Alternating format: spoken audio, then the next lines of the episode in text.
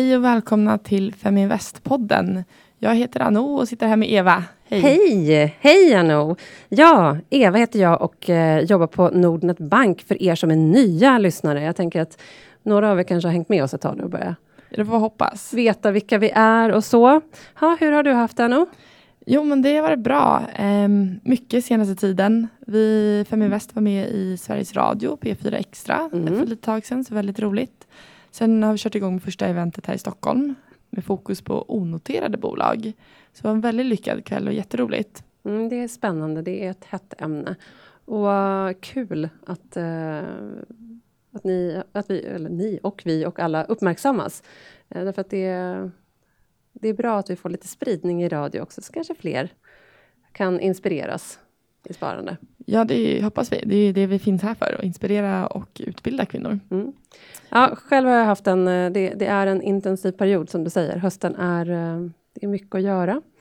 Eh, och i min roll så, så händer det mycket just den här perioden på året. Och det är mycket nyintroduktioner på börsen och det ska vi prata om idag, vad det innebär. Men det är mycket spännande som kommer, kan jag väl bara säga. Det är ju det. Um, och sen så har vi fått lite bakslag. Vi uh, pratade ju om att det inte finns någon finansfilm för kvinnor. Ja! Och nu har det ju kommit en. Jag är helt en. lyrisk. ja, um, förra veckan så berättade vi om att uh, det finns ingen finans ny finansfilm med kvinnor och nu har det kommit en ny film här som heter Equity ja. som inte haft premiär i Sverige ännu och jag är jätteexalterad över att se den här filmen. Ja, och vi har inte lyckats. Vi, vi satt ju, blev så inspirerade av den här filmen så jag kan verkligen rekommendera att googla fram den och, och bara titta på trailern för att uh, man blir väldigt sugen på att titta på den här filmen. Men vi har inte lyckats hitta något premiärdatum i Sverige än. Vi får luska vidare. Ja. Se om vi kan kanske hitta på något kul då. Precis, det kan vara ett eh, perfekt tillfälle att eh, träffas allihopa. Det vore fantastiskt. Idag ska vi prata om just eh, IPOs. Men innan så vill jag passa på, vi får ju väldigt mycket frågor eh, och vi borde faktiskt vara bättre på att lyfta dem i podden. Ehm, mm. Det tar Absolut. vi tag i nu. Ja. Eh, frågan gäller skillnaden mellan A och B-aktier och vad preferensaktier faktiskt är. Och då är det personer här som eh, vill vara långsiktiga och njuta av utdelningen och köper in sig ganska regelbundet i aktier. Undrar just, vad är det bäst att köpa, A eller B-aktier? Ja, just när det gäller utdelningen så har det inte så stor påverkan, utan man kan säga att ett företag eh, kan ha flera olika aktier, stamaktier som man kallar dem. Och eh, det som skiljer de här åt är röststyrkan. Eh, eller att man har mer eller mindre röster på stämman egentligen för de här olika aktieslagen. Alla liksom, stamaktier har samma rätt till utdelningen, så där skiljer det sig inte åt. Man brukar säga att en A-aktie har ungefär tio gånger starkare rösträtt eh, än en eh, B-aktie. Det som man kan vara lite vaksam på när man ska investera i de här, det är ju omsättningen i dem, hur likvida de är, så att man ser, oftast kan A-aktien vara eh, lite lägre omsättning i. Så att, eh, det, men det är ingen skillnad när det gäller utdelningen. Det är ju däremot eh, om vi pratar preferensaktier, som också var en fråga. Eh, en preferensaktie kan man prata länge om, men för att försöka göra det kort så kan man väl säga att eh, jag tycker det är ganska bra att beskriva det som en hybrid mellan en obligation och en aktie. Eh, den går inte att jämföra med en vanlig stamaktie riktigt, utan i en preferensaktie så har du Liksom prefixet, eller du har en bestämd utdelning som du får. och skillnaden med stamaktier är ju just att du har företräde till den här utdelningen före stamaktierna om det skulle hamna i det läget. Och du har också eh, företräde vid konkurs eller likvidation före stamaktierna med en preferensaktie. Men eh, en preferensaktie är annorlunda med tanke på konstruktionen än en vanlig aktie, så den påverkas ju inte i samma utsträckning av bolagets utveckling, utan är mer eh, kopplad till risk och eh, ränta i bolaget, eller uh, utvecklingen. Det är en liten snabb summering. Um, ja. Vi kan gå in på det lite djupare vid ett annat tillfälle. En annan fråga vi har fått är, är det okej att lyssna på oss på Femvästpodden om man är kille? Men vilken fråga! Det är klart alla är välkomna och jag vet att det är, alltså det, vi vill ju inspirera alla. Så att jag hoppas att det är, eller jag vet att det är massa killar som lyssnar. Ja, jag har en hel del killkompisar som lyssnar faktiskt. Ja, jag brukar också få lite feedback och tips eh, från både killar och tjejer. Så att eh, alla är välkomna, superkul. Om vi kommer tillbaka till ämnet. Mm. Börsnoteringar är ju väldigt spännande och det har varit extremt mycket det senaste året. Både hela våren var helt full och nu börjar det komma igång här igen i höst. Ja, jag kan säga att det kommer inte bli mindre i höst. nej, nej, det är det inte. Och det är, det är väldigt roligt, speciellt som har en krydda i portföljen, mm. som det är förknippat med ganska mycket risk. Men vad står begreppet IPO för? Ja, det är en förkortning av ett engelskt uttryck då, som står för Initial Public Offering. Eh, och det översatt då blir ju börsnotering egentligen då på svenska. Och varför väljer bolag att börsnotera sig? Vad är det för fördelar och nackdelar som man får? Ja, fördelarna är ju då att dels så får du ju en betydligt större ägarspridning. Eh, det är därför vi som Nordnet då ofta är med och eh, som, att man kan tecknas hos oss, för vi har en kundbas som är väldigt aktieintresserad och man får en otrolig spridning på, på ägandet när man går ut till all, allmänheten. Eh, man får också fler personer som kan vara med och stötta i emissioner. Man får också en värdering av bolaget med tanke på att det blir noterat. Eh, så får du en värdering, och vilket också gör att det, kanske lätt, eller att det är lättare att få lån och andra delar som du behöver när liksom bolaget är publikt. Nackdelen om man ska ta den är väl att du måste ju skapa aktieägarvärde för att annars så lämnar ju de här personerna som har eh, gått in och köpt din aktie. Och eh, det blir ju en väldig massa rapportering och det, det, ställs ju andra krav på ett noterat bolag än vad det gör på ett onoterat bolag. Speciellt när det kommer till information. Ja. Det kan vara väldigt viktigt att tänka på om man ska notera sig att det är lite andra regler vad man får säga och inte säga och gå ut med. Ja, det, det, det, det, är, mycket, det är mycket som skiljer eh, mot att vara onoterad och noterad. Både vad man får säga, men också den rapporter, de rapporteringskrav som sker i form av att du måste rapportera in till myndigheter och Finansinspektionen och andra, andra delar. Så det, det, är en helt annan... Eh, det är helt andra krav. Just när man pratar om IPOs så kan man prata om förstahandsmarknaden och andrahandsmarknaden. Mm. Vad är det för skillnad mellan de två? Eh, men förstahandsmarknaden, eh, det är ju liksom the initial eh, public offering, om man säger så. Då säljs ju aktierna ut för första gången till allmänheten och företaget eh, får in pengar. Sen så när de väl har gjort det, när, när de här aktierna har lämnat, det är som om jag skulle räcka över aktien till dig liksom, fysiskt, att då, då har den lämnat bolaget. Sen så när de säljs igen, då byter man ju bara aktier med varandra. Då ligger de ju redan på en börs. Och där finns det x antal aktier. Och de byter ju bara ägare. Det är det som sker hela tiden på det vi kallar för andrahandsmarknaden, det vill säga börsen. Ja, och det kan man tänka när man köper aktier generellt, att man handlar ju på andrahandsmarknaden. Ja, begagnade aktier helt enkelt. Ja. Det är second hand. Ja, det är lite second hand. Eh, men hur fungerar själva processen? Om jag nu skulle vilja teckna aktier i ett mm. företag som, som eh, ska noteras. Mm. Hur går jag tillväga? Ja, det, det, det, ser olika ut vid varje tillfälle, för varje bolag har ju kontakt ofta med en rådgivare och eh, liksom en, eh, ett bolag som hjälper till att sätta upp den här hela strukturen kring IPO. För det är ju både, du vill ju ha en garant, du vill ju ha lite olika delar, så det är en process innan. Men sen väljer man ju ofta eh, ett antal aktörer då som som det här bolaget säger att ja, men via de här bankerna, eller via alla banker, det skiljer sig lite grann, men via de här aktörerna kan man då få teckna eh, den här aktien. Och sen så, allt annat, det sköter ju. Så till exempel med, hos oss då, då är det så här, då, om man tar till exempel Engelska skolan, som vi hade här förra veckan, eh, som du kunde teckna via Nordnet och Handelsbanken. Det enklaste sättet är att man går in då hos oss via Nordnet och tecknar sig digitalt. Sen behöver du bara se till att du har pengar på kontot eh, från det kontot du vill teckna ifrån. Sen sköter vi allt annat eh, bakom det här. Det finns en sista teckningsdag och den behöver man hålla ordning på.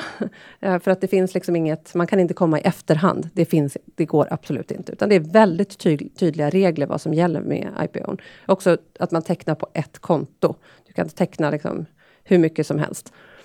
Eh, när ansökningsperioden går ut så får man då in eh, den som man brukar kalla för OTA, eh, det vill säga en obetald men tecknad aktie. Det är alltså så många du har tecknat. Det är egentligen ett kvitto på att du har sökt den här sökt att teckna den här eh, IPOn eller aktien som ska komma. Kanske ska trycka på det också, att sökt betyder inte att man är garanterad.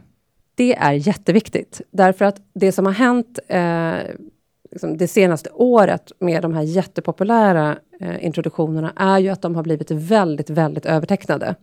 Och då får du då, kan, då ansöker du om ett belopp, men du är inte alls garanterad det beloppet.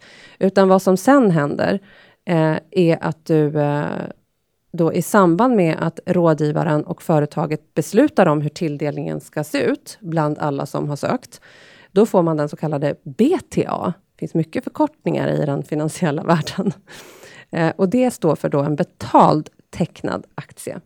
Eh, och de här eh, kan vara lika många som den obetalda tecknade aktien, men eh, i många fall så är, skiljer det ganska mycket åt. Och det här får vi väldigt mycket frågor om eh, på Nordnet, därför att man är, blir besviken att man tecknar upp sig för en viss summa och så tycker man att, ja men varför fick jag så lite? Det är ingenting som vi som bank kan på något sätt göra någonting åt, utan det här bestämmer bolaget och rådgivaren som de har anlitat tillsammans hur det här ska se ut. Ja, och just vid börs noteringar, så kan vi prata om gamla aktier, nya aktier och en blandning av nya och gamla aktier.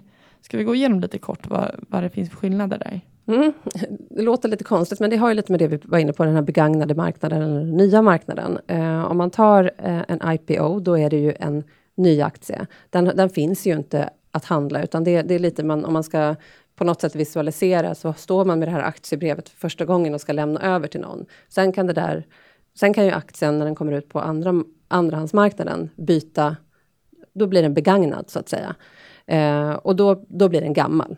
Så den gamla aktien handlas på den eh, andrahandsmarknaden. Nya aktier, de, de, det är just vid introduktionen av en, eh, ett bolag. Då är det en ny aktie. Eh, och det här kan få påverkan på kontoslag, vilka konton man kan välja att handla i. Jag kan komma, vi kan ta det kanske efter, så ska jag bara gå in på den här kombinationen också, mellan nya och gamla. Eh, eller nya, en IPO och en nyemission, för det finns ju liksom den kopplingen också. Eh, för en nyemission, då är det ju nya aktier i bolaget. Det är helt nya och det kan du ha på ett befintligt bolag. Att, det vet ju att ett befintligt bolag kan ju ibland gå ut och göra en nyemission. Eh, Vilket innebär att man tar in mer pengar. Man tar in mer pengar och också ger ut fler aktier. Och då blir det nya aktier igen. Eh, Medan eh, man på en, eh, en IPO kan i, i, praktiken, jag har faktiskt ingen erfarenhet av att det har skett, men du kan ju också även där ha en IPO där du faktiskt, för du har ju x antal aktier i bolaget redan, och att du tar in pengar i samband med IPO, att du både introducerar bolaget på börsen, men också gör en ny emission parallellt. Inte någonting som jag känner till. Vi kan ha ett avsnitt eh, senare där vi pratar om just nyemissioner också, för det är ganska mycket att hålla koll på hur man gör det med. Ja, det finns så mycket spännande saker att prata om, så det tycker jag att vi kan... Eh, vi lovar mycket här nu vad vi ska ja, ta upp. Notera och komma ihåg. Mm. Um, vi pratade om konton som har begränsningar mm. och det är väl speciellt ISK vi tänker på där. Ja, ISK är ju ett väldigt populärt kontoslag som många använder sig av, vilket jag tycker är bra. Eh, därför att eh, det finns flera fördelar med det. Men på en ISK så finns det i strukturen på den så, så finns det regler vad man får ha för några eh, liksom, investeringar i ISK. Det finns det är väldigt liksom, definierat vad är tillåtet att handla på ISK för att reglerna för en ISK ska gälla, det vill säga att man får den här avkastningsskatten. Eh, för annars blir den ogiltig. Och där är det så att du får inte ha eh, nya, det vill säga onoterade papper. Och eftersom det här innan det kommer ut på andrahandsmarknaden är ett onoterat papper, så får man inte teckna på ISK enligt de regler som gäller. Utan alternativen då istället, är att man tecknar... Jag skulle ju förespråka kapitalförsäkring, eftersom då har du fortfarande samma eh, struktur i form av avkastningsskatt. Jag personligen gillar ju kapitalförsäkring, för att jag tycker att det finns så mycket andra fördelar med den. Eh, det man ska vara vaksam på, nu kommer fingret upp här i studion, eh, det är att hos många aktörer så betalar man avgifter för att ha en kapitalförsäkring. Det ska man inte behöva göra. Det finns också aktörer som hos oss bland annat, där man inte har några avgifter och då är ISK och kapitalförsäkring ur ett kostnadsperspektiv neutrala. Men jag vet att det är många eh, traditionella banker som fortfarande ligger med avgifter. Eh, och därmed så pratar man ju mer om ISK, men om man tar bort avgifterna så är produkterna, tycker jag, eh, att jämföra. Och har man aktiedepåkonto så går det ju bra. Det går också jättebra att teckna på aktiedepåkonto. Eh, då, ska man bara, då, då får du ju det här med att du får reavinstskatten, men du har också avdragsmöjligheter. Så det, det är en liten smaksak vad man, eh, vad man föredrar, men det går inte att teckna IPO på ISK-konton. Vad händer då om IPOn inte blir övertecknad? Ja, vi var inne på det tidigare, att det, liksom, i många fall så blir den övertecknad och då, är det ju, ja, då, då, då får de ju in det kapitalet de har önskat för IPOn. Eh, men, men om den inte blir det, då har de ju alltid en garant. Eh, det är ju det som bolaget, den här rådgivaren då, som sätter upp hela strukturen kring en IPO, så måste man också säkerställa att det finns en garant bakom. Att om den här inte blir tecknad, då finns det någon som går in och köper resterande aktier. Och om den blir övertecknad så påverkas ju tilldelningen. Ja, då får du ju färre aktier än vad du har önskat. Precis. Och varför går man in i en IPO då? Varför väntar man inte och handlar aktier när den väl finns på börsen? Ja, precis. Den här begagnade aktien istället. Ja, Ja, andrahandsmarknaden. precis. Ja, nej, men det, det är klart man kan göra det, men en, eh, som, en IPO, då vill man ju... Ofta så har de ett något bättre pris när man introducerar en aktie på, på börsen, för att locka till sig många köpare. Det är ju liksom lite tanken kring en eh, börsintroduktion, att man får köpa den lite, lite billigare. Och det har ju faktiskt i många fall visat sig vara precis så. Och då, går ju, då kan du ju faktiskt tjäna på att vara med i introduktionen och vara med på den resan när den introduceras. Och antingen är du långsiktig och, går, och har den kvar eller, eller så gör du ett klipp och går ur. Men det finns in, absolut ingen garanti för det, för det finns också case som faktiskt har gått ner vid introduktion också. Så det, det finns inga garantier, men ofta så är det att du får köpa den lite, lite rabatterad så att du kan vara med på en uppgång när, när den eh, noteras. Eh, och vi har faktiskt gjort, det finns ett blogginlägg på, på Nordnet-bloggen där vi har tittat tillbaka på IPO-erna under våren här och sett hur de har utvecklats. Det är ganska intressant. Det har gått ganska bra. Ja, det har gått väldigt bra. Så att eh, det, är, det är en väldigt intressant krydda i portföljen. Men eh, man tittar på just IPOs så är det ju mer risk. Varför koppling? Varför är det mer riskfyllt att teckna en IPO än en vanlig aktie? Ja, nej, men det man kan säga är ju att precis som vi var inne på tidigare, vad finns det för nackdelar för bolaget att teckna sig? Ja, men de måste börja rapportera en massa saker. Det är ju samma sak här, att nu ställs det helt andra krav på bolaget och man har inte riktigt... Eh, det, blir en, det blir en ägarspridning, du får inte samma... Du kanske inte kan driva bolaget exakt som du har gjort förut. Så det är klart att det blir lite andra förutsättningar för bolaget när de eh, går på, på, på börsen. Och det vi vi har ju viss information om bolaget, det finns det ju, för att annars så skulle vi inte kunna sätta ett pris på det. Eh, men det är fortfarande... Eh, ja, det, det, är lite högre risk, för vi har inte lika mycket information om bolaget. Och eh, hur tänker du Eva? Brukar du investera i IPOs? Ja, men det brukar jag faktiskt. Jag tycker, men jag ska, jag ska säga att jag investerar inte alla IPOs bara för att det kommer en IPO, utan jag gör ju precis som vi andra köp en Liksom, är det här ett bolag eh, jag förstår vad de håller på med? eh, för det tycker jag fortfar fortfarande är viktigt. Det finns otroligt mycket spännande IPO, men vissa vet jag inte riktigt vad de håller på med ens. Eh, och då, så att, antingen så är det så pass intressant att man lär sig, eh, men att titta lite grann på vad, vad tror vi om förutsättningarna? Hur ser konkurrensen ut? Ja, men, gör den analysen som man normalt gör, eh, men man får kanske titta eh, lite liksom öppnare. Vad har det här bolaget för potential? För det här är ett nytt bolag eh, som ska introduceras. Så att, lite, lite så. Men jag, jag, tycker att det är kul att vara med på introduktioner. Sen så omfattas jag av andra regler eftersom jag sitter och jobbar i en bank. Så att jag har ju absolut inte möjlighet att göra något klipp, utan jag måste ju vara långsiktig i mina investeringar. Eh, så att jag kanske har en liten annan eh, strategi när jag går in i IPO. Men jag, är, jag tycker att det är kul. Vi kan ju säga att IPOs är ju en spännande fas både för investerare och för bolagen.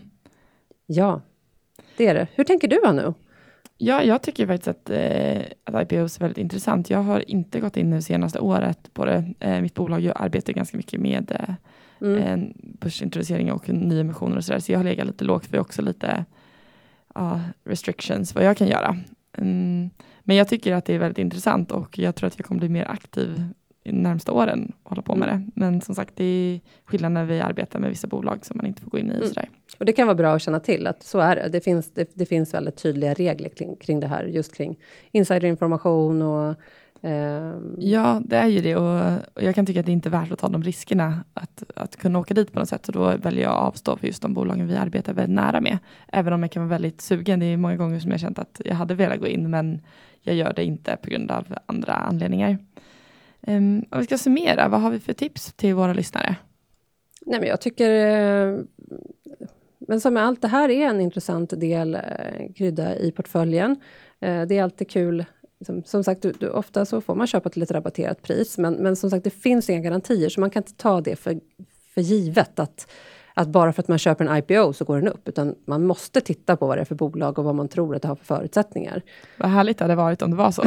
det, hade, ja, men det, det, ing, det finns inga gratisluncher som man brukar säga. Det, det, finns inget sånt. Det finns inga garantier på... Skulle det vara det så skulle marknaden bara utradera det. Utan eh, det är klart att det alltid är en risk. Det här är ett bolag som inte har varit noterat förut.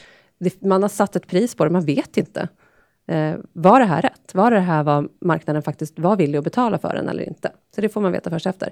Men eh, det, det, kommer hända jättemycket mer på det här, så häng med och titta och eh, ehm, ja. Det är ju verkligen värt att hålla utkik efter, för man kan verkligen göra sig ett klipp. Ja, och det finns mycket spännande bolag som kommer på, på börsen. Det är det som är kul också. Eh, det här är ju bolag som man inte... Eh, ja, det, det nya inte kanske nya branscher, men, men det kommer upp mycket nya spännande bolag eh, som kan ha en fantastisk utveckling framför sig. Och det kan man ju vara lång. Man ska absolut inte bara tänka kortsiktigt med IPO, utan det kan ju verkligen vara en långsiktig investering. Och då välkomnar jag hit dagens gäst som heter Karin Zetterberg. Hej! Hej, tack så mycket. Kul att få vara med. Ja, men vad roligt att du är med oss. Ehm, du är ju ganska ny på investeringsmarknaden. Kan du inte berätta lite om din bakgrund? Vem är du?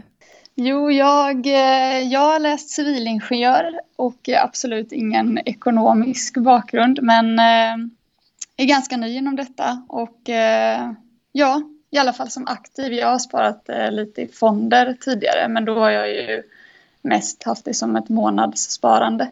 Men just det här med att bli aktiv började jag med i våras så eh, mars ungefär, när jag hade varit på ett Feminvest-event. Det här gillar vi att höra.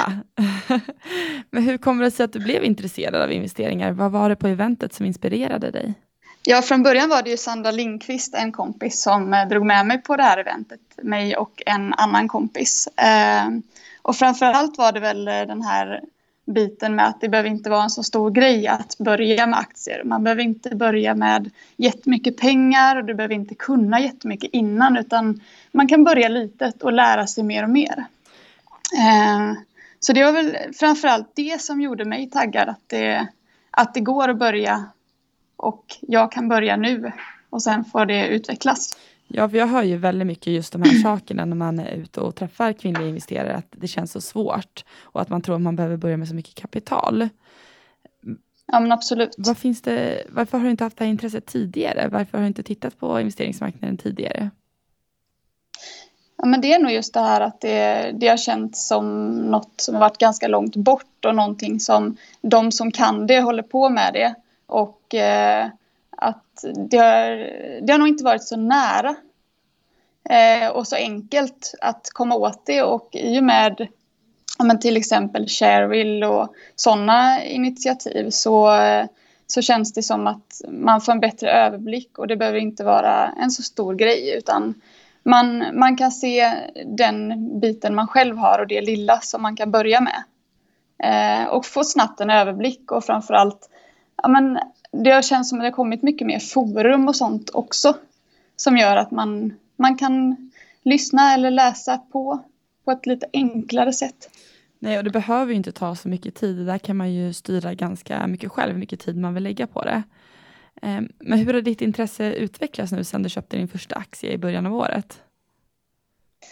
Ja, men det har utvecklats ganska mycket. Eh, det blir ju roligare och roligare och framförallt när man läser på om företag och man hittar företag som kanske inte är självklara att investera i utan där de har en produkt eller en, en tjänst eller en idé som är någonting som man eh, tycker är en bra grej eller som man tror på och sen så vet man ju aldrig hur det går såklart men, men att man, man blir mer insatt i, i, i olika branscher.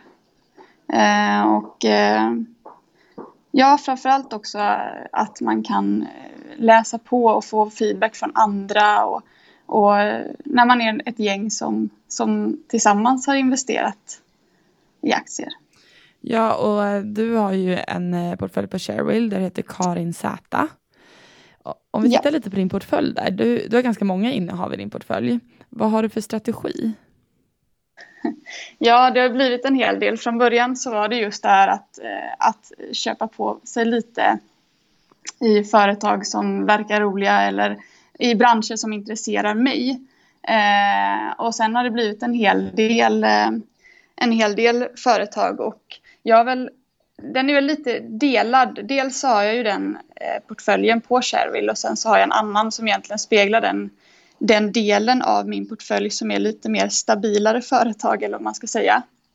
Eh, så att eh, en del är enligt mig i alla fall lite mer stabila företag och en del är väl nya företag eller företag som är lite mer högriskföretag som är roliga att följa.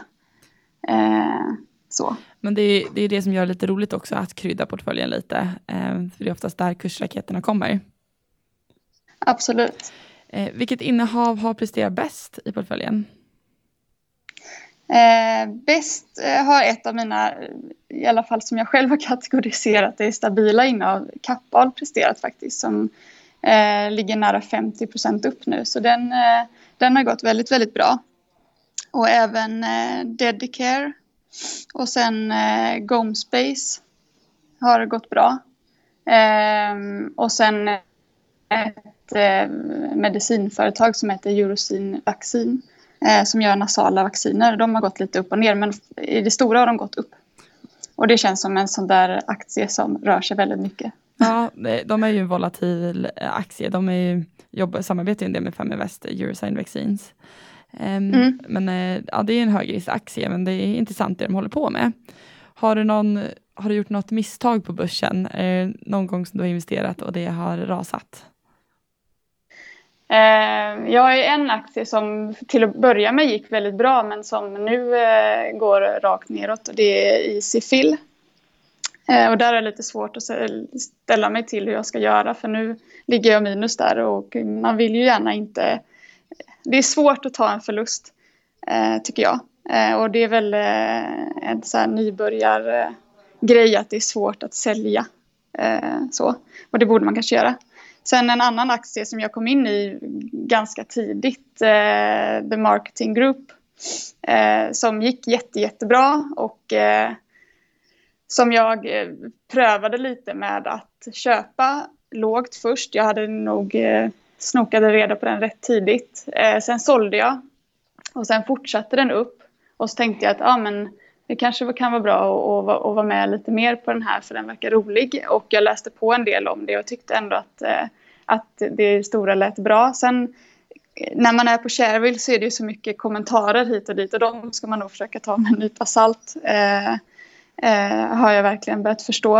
Eh, men det är en sån som nu och då har gått ganska mycket ner. Eh, men hade jag, hade jag haft lite is i magen och typ haft kvar det jag hade från början så hade, det, hade jag nog gått fortfarande plus. Men sen så blev det lite att jag sålde och köpte eh, för att testa. Eh, så nu ligger den på minus och den har jag också svårt att ställa mig till hur jag ska hantera den. Men eh, det får jag komma fram till. ja, men du, du, har ju haft väldigt bra utveckling också och det väger ju upp en hel del. Um, du, du har ju tagit en del högriskbolag i din portfölj också. Hur tänker du kring risk, riskspridning? Hur riskavärt är du? Ja, jag har försökt att sprida, sprida mig mellan olika branscher och, eh, och sådär. Och, eh, men i grunden så är det ju företag som på något sätt eh, känns intressanta och eh, har väl investerat ganska mycket med med, eh, med hjärtat eller hur man ska säga. Företag som verkar bra eller som gör en produkt som jag väldigt gärna vill ska gå bra. Ehm, men, eh, men framförallt har jag försökt att hålla mig i olika branscher och sen försökt balansera mellan eh, lite mer större, stabilare företag och de här lite mer volatila företagen som rör sig väldigt mycket.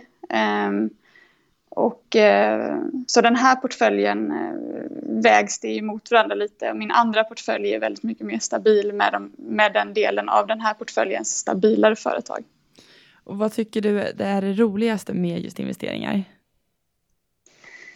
Det roligaste är ju när det går bra, men eh, det gör det inte hela tiden. Eh, men att följa företagen och få förståelse och, och, och hitta nya företag ehm, och eh, sen så som jag, Shareville gör ju att det blir roligt för att du kan följa det väldigt mycket och väldigt enkelt. Eh, och även eh, olika forum, till exempel en grupp på Facebook eh, för tjejer som gillar aktier. Eh, att följa där och samtidigt följa sin egen portfölj och eh, ja, men se hur, hur det går upp och ner och det är ju i, i, i slutändan så är det ju mycket tur. Och eh, det gör det väl lite spännande och roligt. Hur många gånger i veckan är du inne på Sharewill? Eh, jag är i alla fall inne varje dag. Eh, någon gång och kollar. Men jag försöker att inte vara det. Och sen blir det ju... Det är svårt också för att jag skulle vilja vara mer aktiv men det är svårt att kombinera det med ett heltidsjobb för man kan inte sitta och göra det här på jobbet. Nej, så är det ju. Eh, nu har ju du precis börjat här men vad är ditt långsiktiga mål med dina investeringar? Men nu har jag ju liksom fått blodad tand på det här så att eh, långsiktigt känner jag väl att eh, jag hade velat bli bättre, duktigare på att eh, se vilka företag, alltså nyckeltal och sånt där i företagen som, som skulle kunna påverka aktien. Ehm, och att min, min portfölj blir bättre. Försöka sortera upp portföljen lite. Jag tycker att det här är jätteinspirerande för att det är så många, eh, speciellt kvinnor där ute, som inte vågar börja. Um, så att man behöver lyssna på personer som du som faktiskt har tagit tag i det och också se hur roligt det kan vara. Och jag menar avkastning på över 50 procent i vissa bolag, det är fantastiskt. Ja, absolut. Har du några tips till våra lyssnare som kanske sitter där och funderar och börjar investera men har inte tagit tag i det? Vad, vad, vad borde man tänka på? Ja, eh, till att börja med att våga börja, för det var nog det största steget för mig. Eh, och ganska snabbt så inser man att eh, det, det kan inte... Det är klart det kan hända mycket om man har ett bolag, men har man lite olika så, så går det lite upp och ner. Men i det stora hela så rör det sig inte lika mycket som om man har en aktie.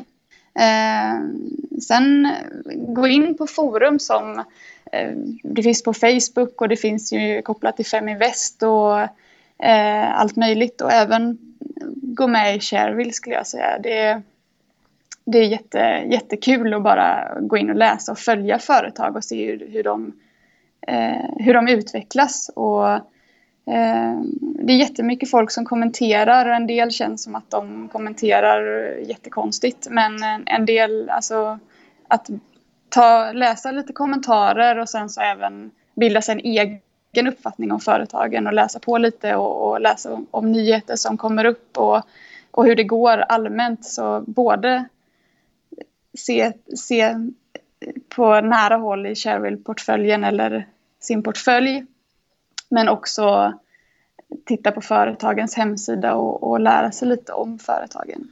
Och sen Sen tror jag att man ska ha med sig också att det, det, det finns liksom ingen så här magisk eh, så här gör man utan man måste gå lite på sin egen känsla och sin egen uppfattning och sen hoppas att man har lite tur också.